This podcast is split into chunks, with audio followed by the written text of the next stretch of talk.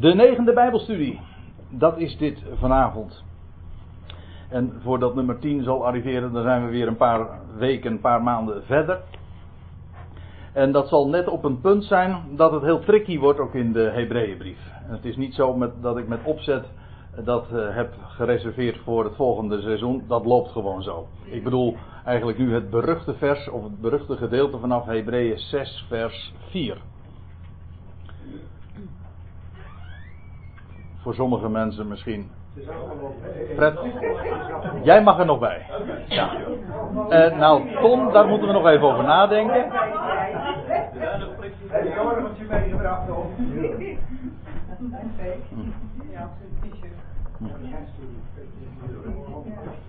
Dag Tom. Ik zei zojuist de, dat beruchte gedeelte vanaf Hebreeën 6 vers 4, wat voor zoveel misverstanden heeft gezorgd. Nou ja, niet dat gedeelte heeft zozeer voor misverstanden gezorgd, als wel door allerlei theologische vooringenomenheden uh, heeft het zo enorm geleid tot onbegrip.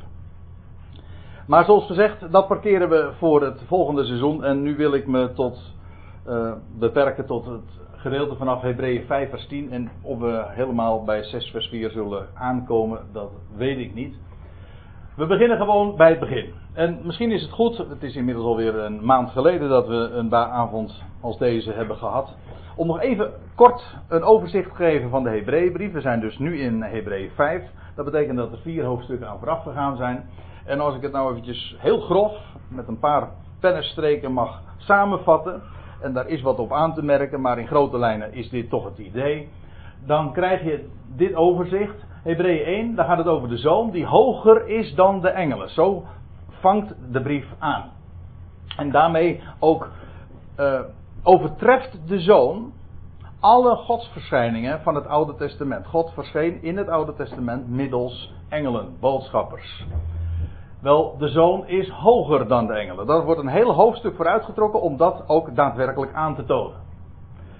Hebreeën 2. Daar is de zoon hoger dan Adam. Hij is daar de Ben-Adam, de zoon van Adam. En de psalm die daar in dat, die in dat gedeelte nogal een grote rol speelt is psalm 8. En wordt uitgebreid ook geciteerd en becommentarieerd door de schrijver. Hebreeën 3 de zoon is hoger dan Mozes. Het is trouwens heel opmerkelijk dat op deze, als je het op deze wijze ook neerzet, dat de zoon hoger is dan de engelen, dan Adam, dan Mozes en uh, nog zoveel andere oud-testamentische figuren.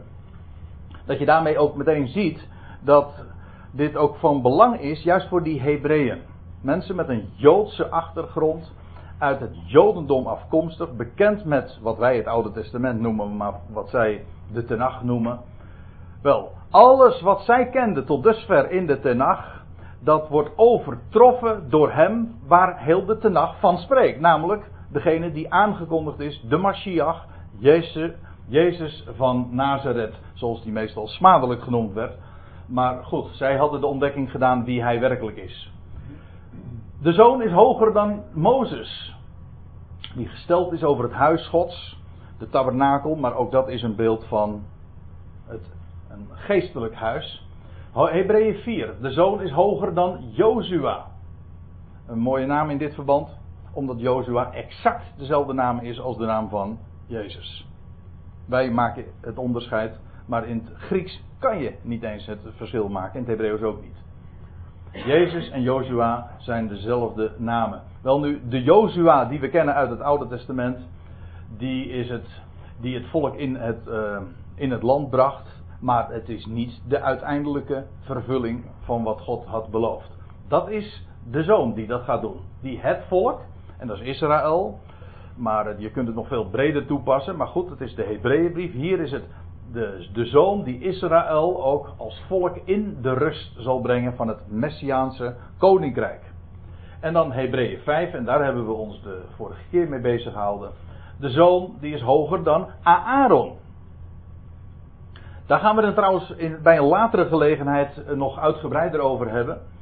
Want het is met name in Hebreeën 7 en in Hebreeën 8 dat dat. Nee, Hebreeën 7 en 9 dat dat ook uitgebreid wordt uh, uitgewerkt ook. Maar in Hebreeën 5 wordt al een aanzet tot die bewering of die stelling gedaan. De zoon is hoger dan Aaron, hij is de hoge priester, namelijk naar de ordening van Melchizedek. En als ik allemaal uh, zulke namen noem, als ik ook zo'n uitdrukking gebruik, hoge priester of priester naar de ordening van Melchizedek, dan veronderstelt dat wat kennis van de Bijbel. Ik bedoel in dit geval van het Oude Testament. Dat is natuurlijk altijd het punt. Je leest het nieuw, wat wij dan het Nieuwe Testament noemen, de Griekse geschriften. Maar je moet niet vergeten dat er ruim duizend bladzijden aan vooraf gegaan zijn. Wat de schriften zijn. En eigenlijk is het zo dat als je het Nieuwe Testament leest, word je geacht dat wat er aan vooraf gegaan is te kennen.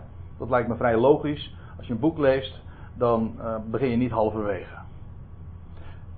Eigenlijk is het zo dat wij, de wijze waarop wij uh, nou ja, je hebt ook boeken inderdaad die je zomaar ergens kan openslaan en dan lees je gewoon een kort stukje. Hm. Dat bedoelde jij, daar zit je te lachen? Ja, dat is, ja, dat is ook wel zo. Ik lees dat eerste achterflap. Ik moet altijd ook weten of het goed afloopt. Want dan vind ik het pas echt interessant worden. Daarom ben ik het. Ja, dat is echt waar, ja. Ik ben erg gehecht aan een happy end. Daarom hou ik ook zo van de Bijbel. Maar goed, uh, feitelijk is het zo dat als wij, niet Joden, in aanraking komen met het Evangelie, dan, dan missen wij al die, die kennis. Ik bedoel, de Tenach, dat, is, dat zijn de woorden die aan de Joden zijn toevertrouwd. Zo zegt Paulus dat ook in Romeinen 3. Dan zegt hij, wat is het voorrecht van de Jood? Nou, dan zegt hij in de eerste plaats dit, dat hunner de woorden Gods zijn toevertrouwd. Dat is niet, die, die Tenach, dat is een, een boek van, het boek van Israël. Oké, wij lezen daarin mee, maar wij, wij zijn via de apostel van de natieën in aanraking gekomen met, met het evangelie. En vervolgens lezen wij, ja, en wij komen in aanraking met de Messias, maar met al die aankondigingen die, die tevoren gedaan zijn in de Hebreeuwse Bijbel, komen wij achteraf pas mee in aanraking. Dat is eigenlijk een beetje de omgekeerde volgorde dus. En soms ook wat lastig. Het is helemaal lastig als je niet uh, vertrouwd bent uh, geraakt uh, in je leven met al die verhalen, met de inzettingen. En, nou ja, kortom, als je een onbekende bent in wat wij dan het Oude Testament noemen. En daarom is de Hebreeënbrief ook voor ons, als je geen kennis hebt van het Oude Testament. En al deze namen niet kent, of alle inzettingen niet kent die in de Torah staan. Ja, dan, dan wordt het lastig de schrijver veronderstelt dat namelijk allemaal als bekend. Zijn geadresseerden kenden dat door en door. Daar hielden ze zich mee bezig, daar waren ze mee opgevoed. Dus ja, dat was voor hen allemaal vertrouwde kost. En dat is voor ons anders. Nou ja, ik zeg ons. Er zitten hier natuurlijk ook mensen die uh, goed bekend zijn met de Bijbel. Maar goed, dat is op zich een, uh, een, een niet zo in ieder geval niet noodzakelijk, laat ik het zo zeggen. U begrijpt ook bijvoorbeeld dat als, als de apostel Paulus in, uh, in Colosser komt, of hij, nou in, Colosser is hij trouwens nooit geweest, maar als hij in een plaats als Efeze of in Rome kwam en hij, en hij benaderde daar de mensen en hij vertelde hen van het evangelie, dan waren zij volstrekt onbekend, althans een groot deel, van de Bijbelse boodschap, volstrekt onbekend. En dan moest hij dus eerst inderdaad van vooraf aan beginnen. Denk aan zo'n reden aan die hij hield op de Areopagus. Weliswaar praat hij daar voor een heel intellectueel publiek, filosofen, etc. Dus die wisten wel van wanten, maar ze waren niet bekend met de Bijbel. Met Bijbelse namen nauwelijks, niet of nauwelijks. Paulus doet dat dan ook niet. Paulus begint daar dan ook niet over. Wat hij dan doet, is spreken over de ene God. Dat is wat ze eerst moeten weten opmerkelijk. Altijd als Paulus ergens komt in een heidens, ik bedoel een niet-Joods gezelschap, dan gaat hij eerst spreken van de ene God. Als je dat als basis hebt, dan heb je een hele goede basis. Nou, dat is een, eh, even een uh, zijpaadje, meteen al in de aanvang. Maar goed, de, de zoon is hoger dan Aaron. Dat is wat hij naar voren had gebracht. Eh, die een priester is naar de ordening van Melchizedek. Nou, daar waren we gebleven. De vorige keer hebben we, zijn we afgesloten, eigenlijk midden in de zin zelfs, in hoofdstuk 5, vers 9. En dan moet ik het toch eventjes voor de geest halen. Ja, het was een lange zin die eraan vooraf gegaan is. Daar lees je van de zoon die het einde had bereikt. Dat staat er in vers 9. En hij is voor alle die hem gehoorzamen, hem gehoor geven, een oorzaak van Ionisch heil, Ionische redding geworden. Oh ja, en dan staat er door God aangesproken als hoge priester naar de ordening van Melchizedek. Dat was al eerder naar voren gebracht, namelijk in vers 6. Daar wordt namelijk gezegd, eh, nou laat ik het even lezen vanaf vers, vers 4. Niemand matigt zichzelf die waardigheid aan, namelijk om een priester te zijn, laat staan een hoge priester, doch men wordt ertoe geroepen door God. Zoals immers ook Aaron, daar heb je. Zo heeft ook Christus zichzelf niet de eer toegekend hoge priester te worden, maar hij die tot hem sprak, aanhalingstekens openen, nu volgt een citaat, mijn zoon, mijn zoon zijt gij, ik heb u heden verwekt. Psalm 2. En zoals hij ook op een andere plaats spreekt, Psalm 110. Gij zijt priester in de Aion, naar de ordening van Melchizedek. Nou, het is de eerste keer trouwens dat de naam Melchizedek hier genoemd wordt. Sowieso dat hij in het Nieuwe Testament genoemd wordt. Maar de naam volgt nog vele keren. En dan, dus hier in vers 10, uh, wordt daar weer uh, aan gerefereerd. Hij is door God sinds zijn opstanding, let op, hij stierf en hij is opgestaan uit de doden. Hij is gered uit de doden. Dat nou lees ik weer uit vers 8. Hij is verhoord uit zijn angst. Wacht even. Nee, er staat er. Hij heeft tijdens zijn dagen in het vlees, vers 7 tranen geofferd aan hem die hem uit de dood kon redden. En hij is verhoord uit zijn angst. En zo heeft hij, hoewel hij de zoon was, gehoorzaamheid geleerd. Enzovoorts. Nou, en zo in die hoedanigheid, gered uit de dood, is hij door God aangesproken als hoge priester naar de ordening van Melchizedek. Nou, dat is Psalm 110 en daar moeten we even nog naartoe, want anders uh, missen we toch echt de, de, de, de clue. En dan, we, ik herinner me dat we de vorige keer die psalm ook nog even hebben opgeslagen. Maar goed, we zijn inmiddels weer een heel eind verder.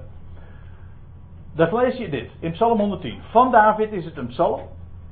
En dan staat er, al dus luidt het woord van Yahweh. Ik, ik, zeg het meteen maar even goed, want het is heel verwarrend als je het in de vertaling leest. Want dan staat er heren met allemaal hoofdletters en heren met kleine letters. Ja.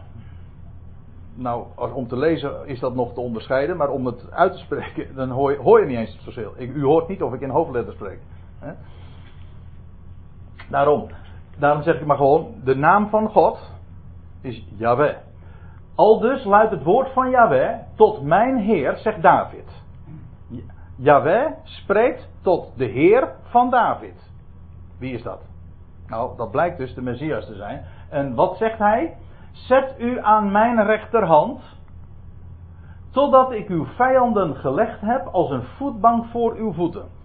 En deze uitspraak, deze plechtige uitspraak die tot Davids Heer moet nagaan. David was zelf de koning van Israël, de, degene die ook de stamhouder zou zijn van de Messias, maar hij is het die, eh, die uh, dan, dan spreekt over zijn Heer en, dan zegt, en tot hem wordt gezegd, zet u aan mijn rechterhand totdat ik uw vijanden gelegd heb als een voetbank voor uw voeten. Dat is dus een positie van de hoogste voorrang, dat is het, aan mijn rechterhand. Dus, dus waarmee dus ook gezegd is dat de Messias verhoogd wordt. Geplaatst wordt aan Gods rechterhand in de hemel ook. Want die rechterhand, dat is inderdaad ook daarboven.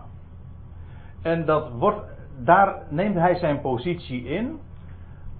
Totdat hij zijn tot zal dat zijn vijanden gesteld worden tot een voetbank voor zijn voeten. Dat wil zeggen, totdat zijn vijanden onderworpen worden. Dat wacht dus nog even. Het idee is, hij wordt geplaatst aan de rechterhand. Hij moet wachten, namelijk totdat zijn vijanden aan hem onderworpen zijn. Tot dat moment. En in die tussentijd heeft hij de hoogste plaats, namelijk aan Gods rechterhand. En dan lees je, vers 2, Yahweh strekt van Sion uw machtige scepter uit. Heers te midden van uw vijanden. Dus als ze eenmaal onderworpen zijn, wel, als, als, uh, dan wordt hij gesteld tot heerser, tot koning. En uh, krijgt hij de heerschappij, zijn machtige scepter, te midden van zijn vijanden. Vanuit Sion zal hij regeren. Die belofte staat nog steeds. Die profetie wordt nog vervuld. Hij, nu is het zo dat hij geplaatst is aan de rechterhand. Hij wacht. En, maar het moment komt dat Yahweh ervoor zorg zal dragen dat hij zal, vanuit Sion zal regeren met, met zijn machtige scepter. Een beeld van opstanding trouwens. Te midden van zijn vijanden. Nou, en nu komen we uh, bij vers 4, want ik sla nu nog even het derde vers voor het gemak maar over. En dan staat er, Jaweh, hij heeft gezworen, het berouwt hem niet. En wat zegt hij dan? Dubbele punt. Gij, die Heer van David, die aan de rechterhand geplaatst was. Gij zijt priester voor eeuwen, voor de olam staat er in het Hebreeuws, voor de aion. Naar de wijze of naar de ordening, naar het model van Melchizedek. En ja, dat is uh, een, een, eh, een heel opmerkelijke plaats, uh, vermelding. Ik weet niet in hoeverre u zich dat realiseert. Kijk, inmiddels zijn we wellicht wat bekend met die figuur van Melchizedek. Je moet eventjes je voor de geest proberen te, te halen hoe, hoe, hoe het verhaal in elkaar steekt. Kijk, ooit was Abraham op zijn terugtocht. Oh. Ik, Nou ja, het woord valt in goede aarde, zullen we maar zeggen. Hè?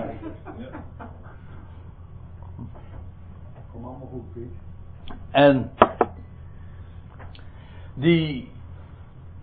Nou ben ik eventjes. Uh, het, woord viel, het woord viel in goede aarde, maar ik ben eventjes de, de, de draad kwijt. Oh ja, ik zei even dat, ik dat, uh, dat we ons goed moeten realiseren hoe dat was. Melchizedek. Abraham was uh, was, kwam van, van een terugtocht om zijn, zijn neef Lot te bevrijden. En dan lees je dat hij Salem passeert, het latere Jeruzalem. En daar komt hem een priester tegemoet. Een, nee, de koning van Salem. En dan staat er, en die koning die was priester daar, op, ter plaatse. Er staan met twee korte versen die over hem uh, vermeld staan. Er wordt helemaal niets gezegd van wie hij was, welke achtergrond, welke geslacht, geslachtsregister. Niets van zijn vader en moeder wordt niets gezegd wanneer hij geboren was en wanneer hij gestorven is. Staat er niet vermeld. Maar er wordt er gezegd, die koningpriester komt Abraham tegemoet en hij zegent Abraham. Die herdervorst. En hij geeft hem brood en wijn.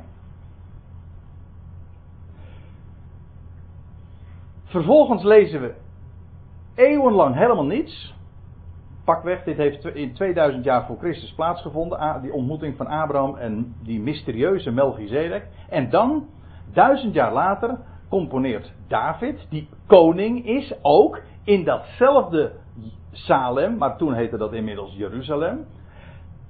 Die daar koning is. En David componeert een psalm en hij spreekt een profetie uit, een voorzegging. En dat is dus deze psalm. En, dan, daar, wordt, daar wordt dus een, gesproken van een plechtige eedswering. Op, alleen dat al wijst erop hoe uniek het woord is.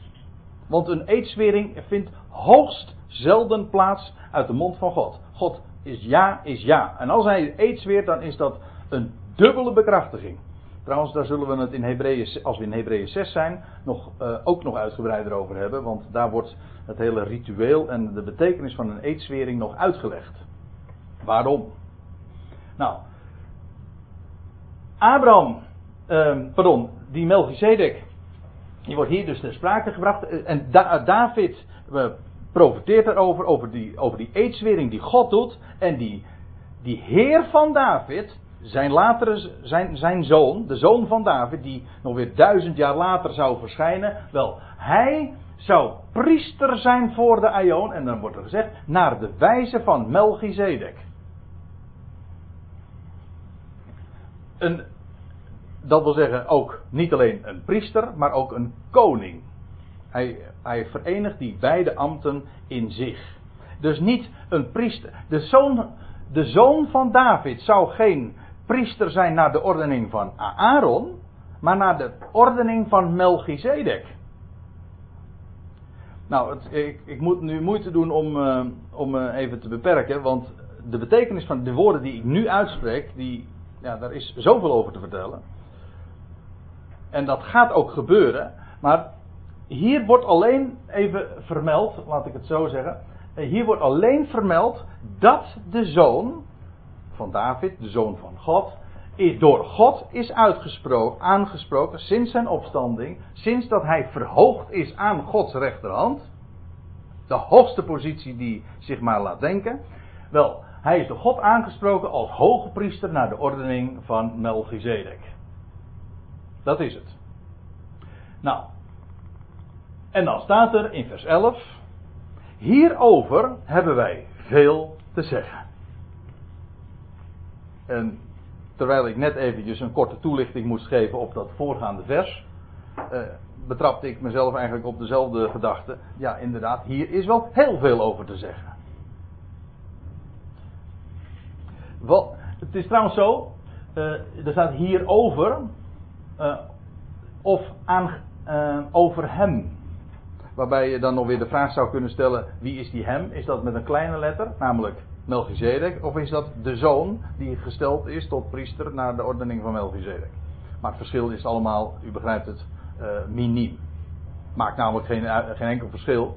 Hij, over de dingen waar hij het nu over had, namelijk dat de zoon gesteld is tot hoge priester naar de ordening van Melchizedek, daarover wilde hij veel zeggen. Daarover was veel te zeggen. En ik vind dat uh, een, schitterende gedachte en een schitterende illustratie ook van hoe Bijbelstudie dan ook werkt. Want dan blijkt ook dat één zo'n figuur, waarvan de, waar, waarvan de naam slechts minimaal vermeld wordt, waarvan we nauwelijks iets weten, maar hij heeft zo'n kolossale betekenis. En waarmee de, is gezegd en waarmee ook is, illustreerd, is geïllustreerd hoe rijk eh, de Bijbelse woorden, de woorden van God zijn. Want één zo'n klein detail blijkt dus boordevol aan betekenissen te zijn, te, te liggen. En hierover hebben wij veel te zeggen. En dat gaat hij ook doen. Want Hebreeën 7, kijkt u het maar na in uw Bijbeltje. In Hebreeën 7 gaat hij inderdaad spreken een heel hoofdstuk lang, 28 versen, over Christus en Melchizedek. Dat is een, schitterend hoofdstuk. Ik zie er nu, nu, al, nu al naar uit om het daarover te spreken. Als mij vraagt, is het eigenlijk ook het, ja, letterlijk ook, het is het centrale gedeelte van de Hebreeënbrief, maar eigenlijk ook het hoogtepunt. Daarover wilde hij veel gaan zeggen. Dat zou hij ook gaan doen. Maar, zegt hij, uh, dat kan nu even nog niet. En wat je dan krijgt, is dat vanaf dit vers, dus in mijn Bijbeltje ook een, een nieuwe pericoop vangt eraan. En vanaf dit vers tot aan het einde van hoofdstuk 6 is daarmee een tussenzin. Hij wil dus gaan, veel gaan zeggen over Melchizedek. En waarom de zoon is aangesproken als, als hoge priester naar de ordening van die, van die Melchizedek. Maar dat doet hij nog niet. Hij kan het nog niet doen. Hij, wil, hij, wil, hij moet eerst nog iets anders kwijt. En dat hele uh, gedeelte daartussen is een aanloop daartoe. Hij wordt eigenlijk nu dus onderbroken. Vandaar dat ik ook zeg, het is een tussenzin.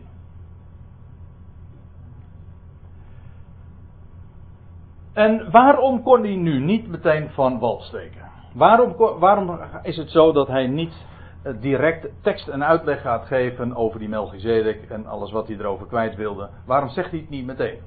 Nou, de reden is, uh, die, hij, die geeft hij hier nu aan in vers 11. Het is moeilijk, zegt hij, het, maar het is moeilijk uit te leggen.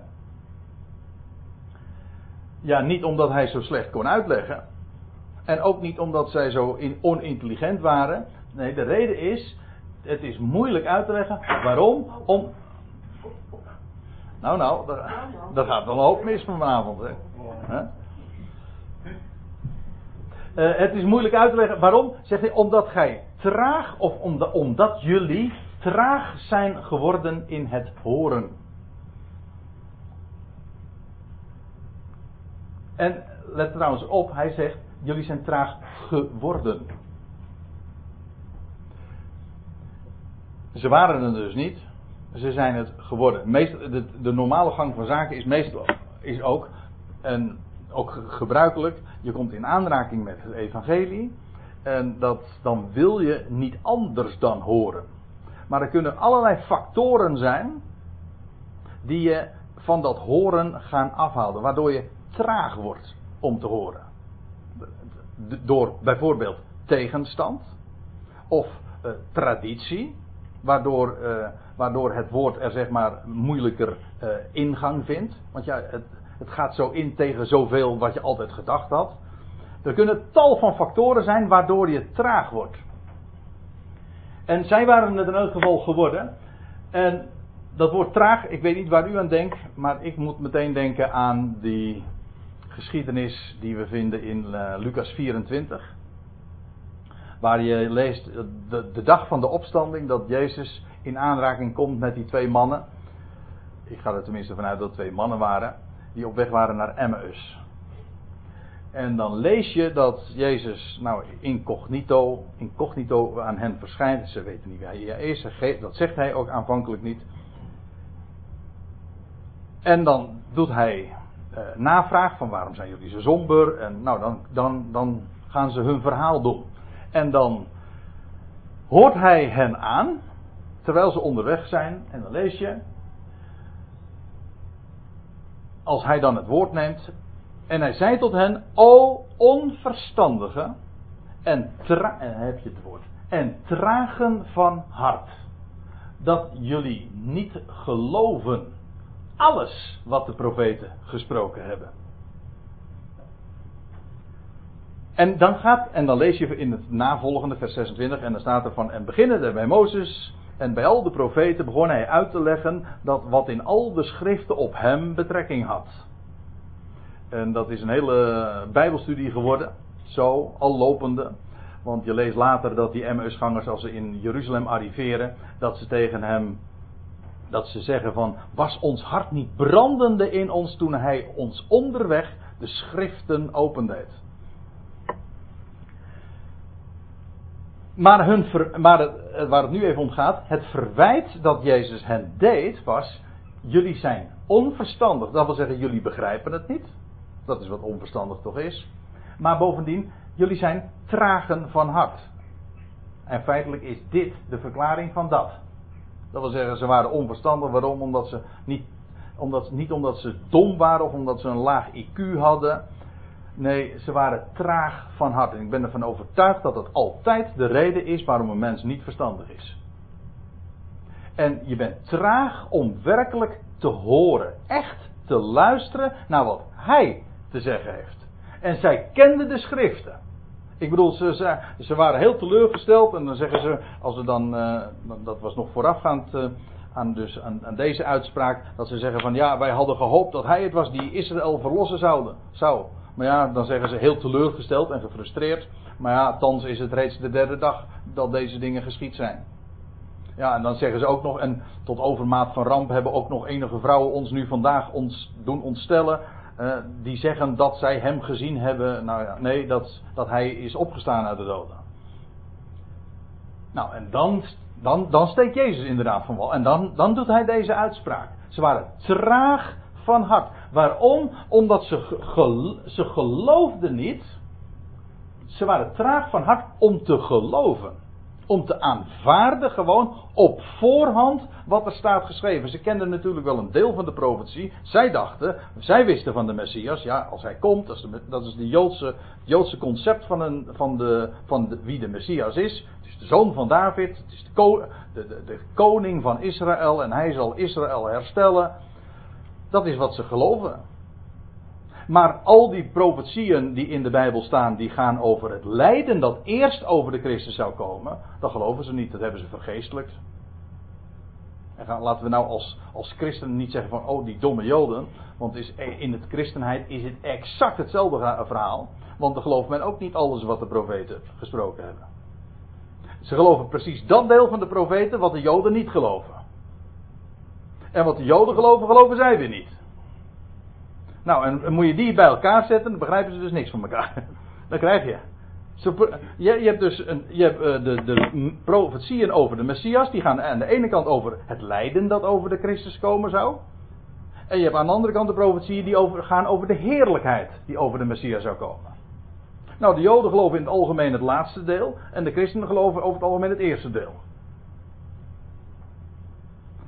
Maar ze waren traag van hart om te geloven alles wat de profeten hebben gesproken. En dan lees je ook dat Jezus hen zegt van moest de Christus niet lijden.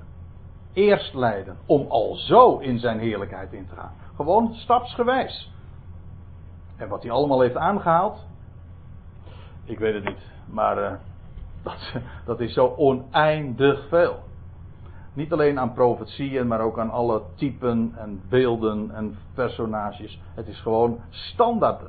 En dan gaat de schrift geweldig leven. Mijn ervaring is ook dat als de schrift enorm gaat leven, juist wanneer je, wanneer je hem gaat herkennen in, in alles van de schrift. Nou ja, ze waren traag van hart. Om dat te, om dat te geloven. Daarom ik vind het eh, heerlijk om gewoon open-minded. En we, het is maar geen holle frase hoor, maar als Paulus eh, ook bidt, je leest het in de Efezebrief, dat hij zegt dat, dat, we zou, dat hij buigt zijn knie ook en dat we verlichte ogen van het hart zouden hebben. Om, op, opdat we zouden ontdekken de rijkdom van zijn genade. Hoe staat het er precies? Maar verlichte ogen van het hart. Open-minded alles van de schrift te aanvaarden op voorhand. En dan ook de rijkdom daarvan te proeven, te smaken en uh, de transformerende kracht daarvan te ondergaan. Want het verandert je leven. Het geeft je vreugde, het geeft je vrede. Kortom, een mens wordt er anders van. Je gaat er in ieder geval omhoog van kijken. Is niet. Want, zegt hij, ik, ik ga nou weer even terug naar vers 12. Want uh, ze waren dus traag om te horen. Dat was de reden waarom hij niet meteen over Melchizedek zou kunnen spreken. Want, zegt hij, hoewel jullie naar de tijd gerekend leraren behoorden te zijn. Met andere woorden, ik heb dit vers trouwens al een keertje in een, in een ander verband ook genoemd. Om daarmee ook aan te geven dat uh, deze brief ook een aanzienlijke tijd later is geschreven dan de, zeg maar, het begin van de handelingentijd. Ze waren naar de tijd gerekend, zouden ze al leraren uh, moeten zijn. Dus het was al lange tijd dat ze vertrouwd waren met al deze dingen. En dan lees je, eh, dan vervolgt de schrijver, dat eh, hoewel gij naar de tijd gerekend leraar behoorde te zijn, hebben jullie weer nodig dat men u de eerste beginselen, de eerste beginselen, hier staat het uh, in het Grieks woordje stogeia, dat betekent eigenlijk de elementen. U ziet dat het de Concordant Version het ook zo heeft weergegeven. Dat is de elementen of het ABC. Zo zeggen wij dat trouwens ook als we praten over elementaire dingen. Het, de eerste beginselen, de, het ABC. Dat is eigenaardig. Zijn na, na de tijd zouden ze gerekend, zouden ze al zelf andere onderwijs moeten, moeten kunnen geven. Dat zou normaliter van hen verwacht kunnen worden als je inmiddels zo lang vertrouwd bent met die dingen. Maar, zegt hij, jullie hebben het nu weer nodig dat men zelfs de het ABC weer uh, goed onderwijst. Zelfs dat zijn jullie vergeten. Het is dus nog eigenlijk, het is dus nog meer, of het is nog sterker dan dat ze, om het even in onderwijstermen te zeggen, doet Paulus hier tenslotte ook, uh, dat je bent blijven zitten. Dan blijf je hangen in dat wat je weet en je komt niet verder. Maar het is eigenlijk zo dat ze zelfs niet alleen maar zijn blijven hangen, maar ze zijn achteruit gegaan. Terwijl ik het zeg, denk ik, is het verschil zo groot, want stilstand is achteruit gaan. Hè? Zodat ze zelfs datgene wat ze wisten, uh, waren ze eigenlijk ook alweer kwijtgeraakt. Het was niet alleen maar niet zo dat ze niet vooruit gegaan waren, ze waren zelfs achteruit gegaan. Nu moesten ze zelfs weer het ABC weer goed eh, tot zich nemen, want zelfs dat was hen niet meer vertrouwd. Ze waren traag geworden in het horen.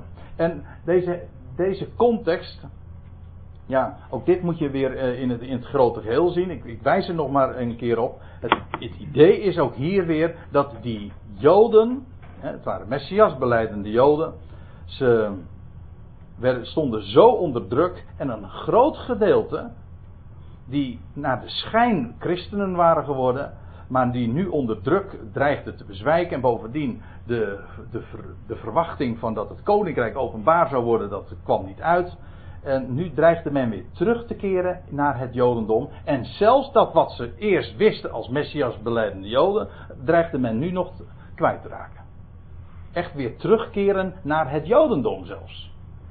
En zelfs niet eens niet langer meer Messias beleidend te zijn. Wat ik nu zeg, kun je gewoon rechtstreeks ook lezen in de eerste verse van Hebreeën 6. Van, de, van het volgende hoofdstuk dus. Dat men zelfs de, dat men weer terugkeerde naar dat volk, of naar dat systeem, naar die godsdienst die ooit de zoon van God kruisigde.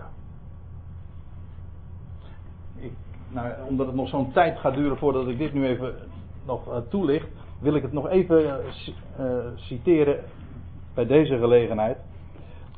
Dan lees je over dat, ze, dat een, een deel van hen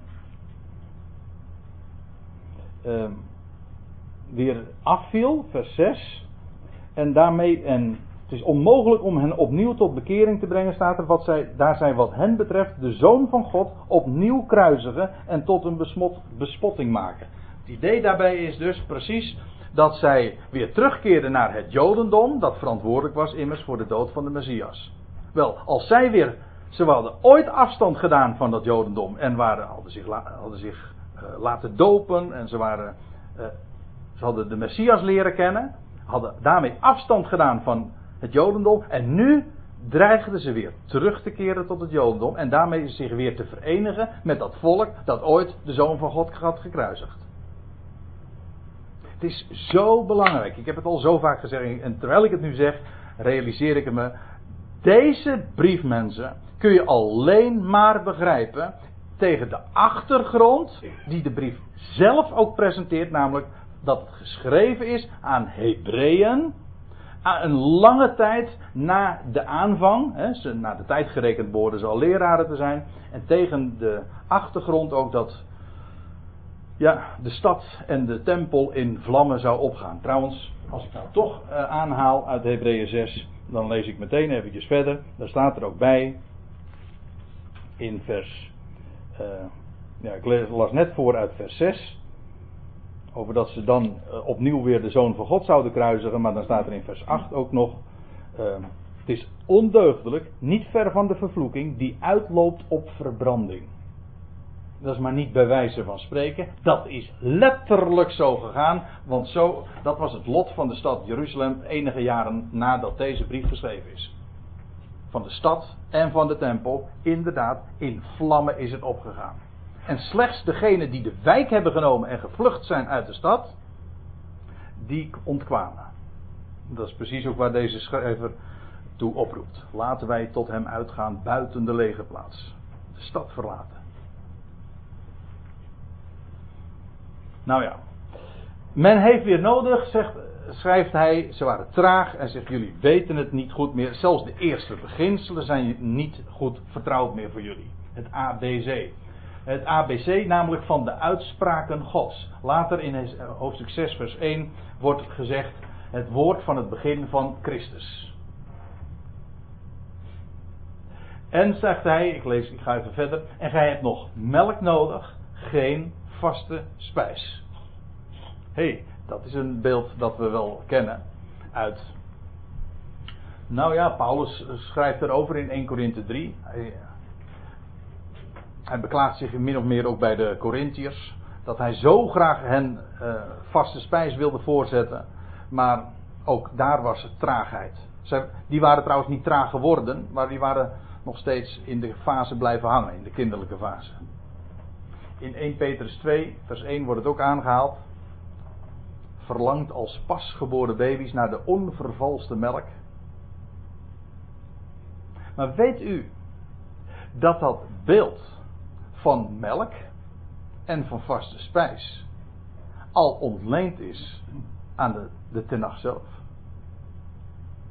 Dat wat de schrijver hier naar voren brengt, dat kenden zij ook. Althans, ze zouden dat kunnen kennen. Dan gaan we even naar Jesaja 28. Dus, uh, ja, als u een bijbeltje bij u hebt, dan moet u dat even opslaan. Nou, u moet niks, maar dat raad ik u dan toch echt aan.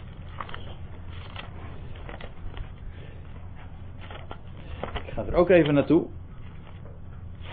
Dat is nou een prachtig voorbeeld van hoe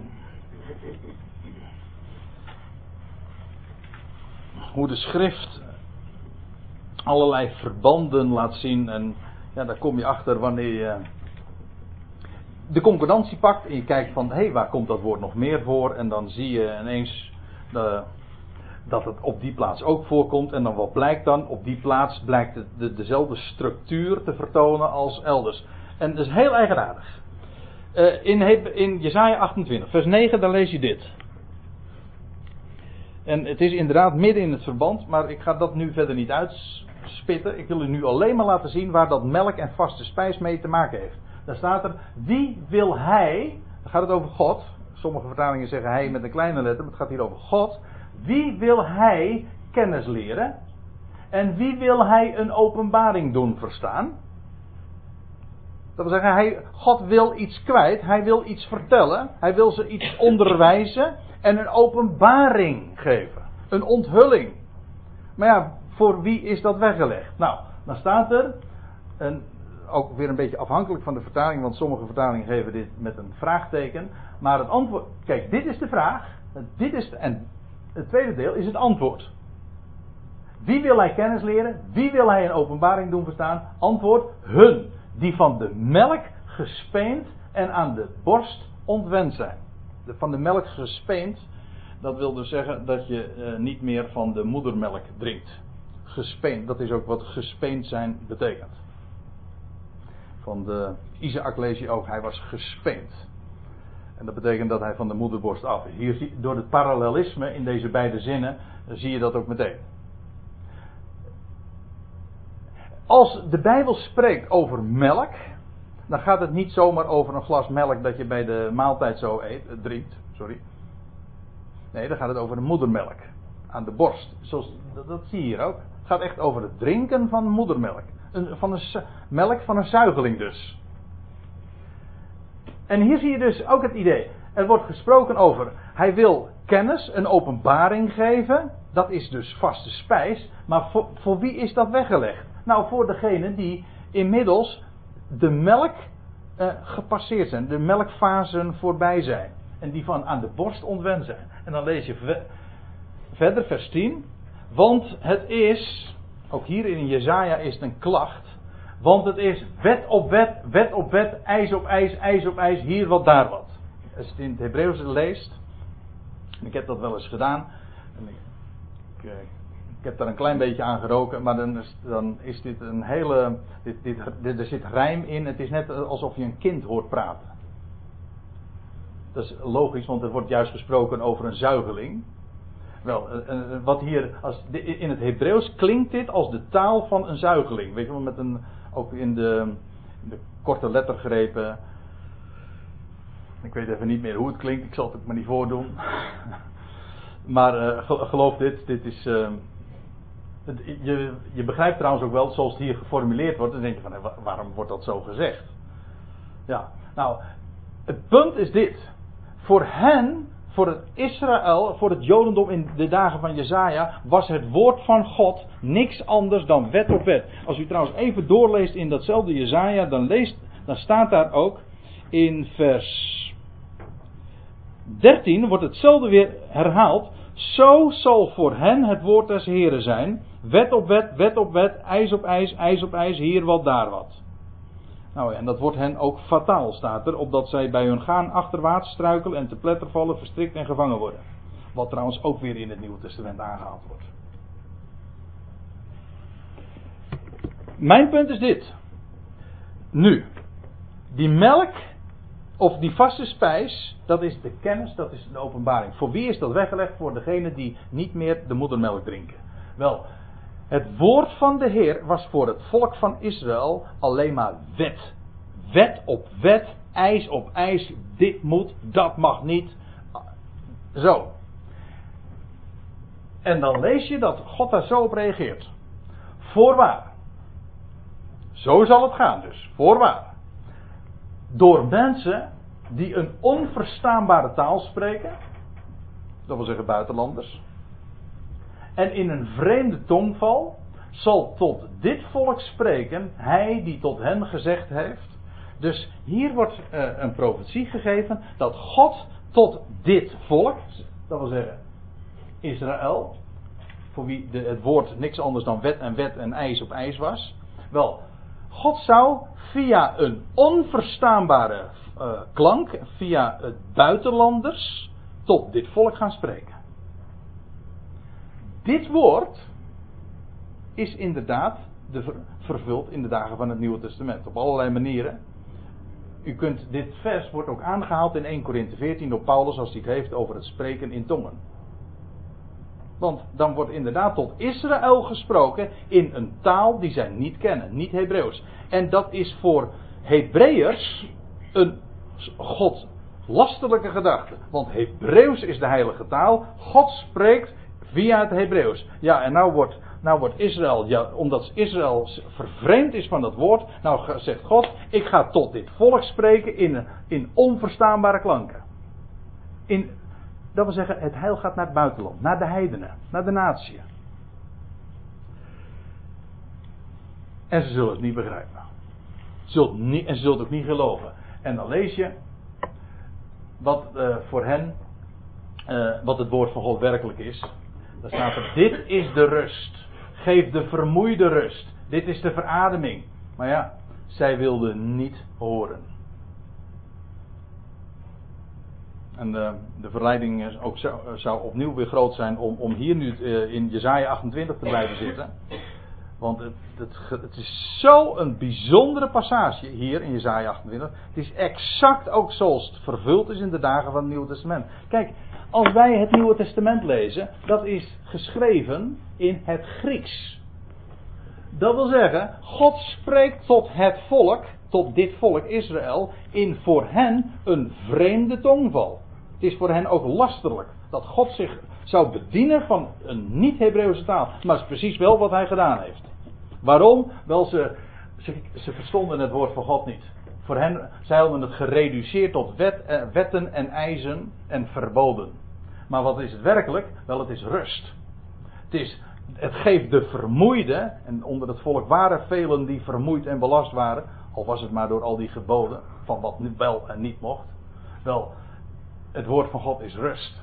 Het legt geen last op de mens, het ontlast de mens. Het doet je omhoog kijken in plaats van gebukt gaan onder een last. Vertelt je wie hij is en wat hij, hij belooft. Maar ja, zij wilden niet horen. Het ging er niet om dat ze niet wilden doen, ze wilden juist wel werken. Maar ze wilden niet horen naar een belofte, naar, naar een blijde boodschap, een goede tijding. Dat is onbegrijpelijk natuurlijk, dat je dat niet wil. Maar ja, ik zou zeggen, breek me de bek niet open. Hè? Het is, nog niet, het is echt niet anders nog hoor. En dan uh, gaat hij, uh, want ik ga nu weer eventjes terug, want we hebben het niet over Jezaja 28. Ik noemde dit alleen maar om te laten zien dat het idee van melk en vaste spijs, dat dat al terug of dat dat te herleiden is tot het Oude Testament zelf. Vaste spijs heeft te maken met openbaring, met kennis. Nou, want ieder die nog van melk leeft, het ABC, de eerste beginselen, de elementen, die heeft nog geen weet van de rechte prediking. Hij is namelijk nog een zuigeling. Dat wil zeggen waar het werkelijk over gaat. Het is alleen nog maar ABC, maar nog niet het geheel. Het echte verstaan volgt nog. Dat mag je van de zuigeling trouwens ook niet verwachten. Trouwens, er staat hier uh, die van die melk, of van die rechte prediking, dat staat letterlijk de rechte prediking het woord van gerechtigheid. Dat betekent in dit verband ook het woord van recht of het rechte woord. En wat is dat hier? Wel, dat is dat. Dat woord van wie Christus nu is. Hou hem even vast. Dat is het laatste wat ik nu even wil zeggen voordat we gaan pauzeren. Paulus wilde veel, veel vertellen over Melchizedek. Maar, zegt hij, ik kan het niet. Die, dat onderwijs over Melchizedek, dat was allemaal verborgen in het Oude Testament. Het ligt niet aan de oppervlakte, maar het ligt er allemaal in verborgen. En daarvan zegt de schrijver hier, dat is de rechte prediking, dat is vaste spijs. Vaste spijs, dat is dus dat onderwijs van het woord van God dat verborgen is. Het heeft te maken met dat wat verborgen is in het Oude Testament. En dat is een mooie eh, punt om nu eventjes af te sluiten, want daar wil ik straks nog eventjes wat meer over zeggen. Maar ik, we gaan nu eerst even een kopje koffie.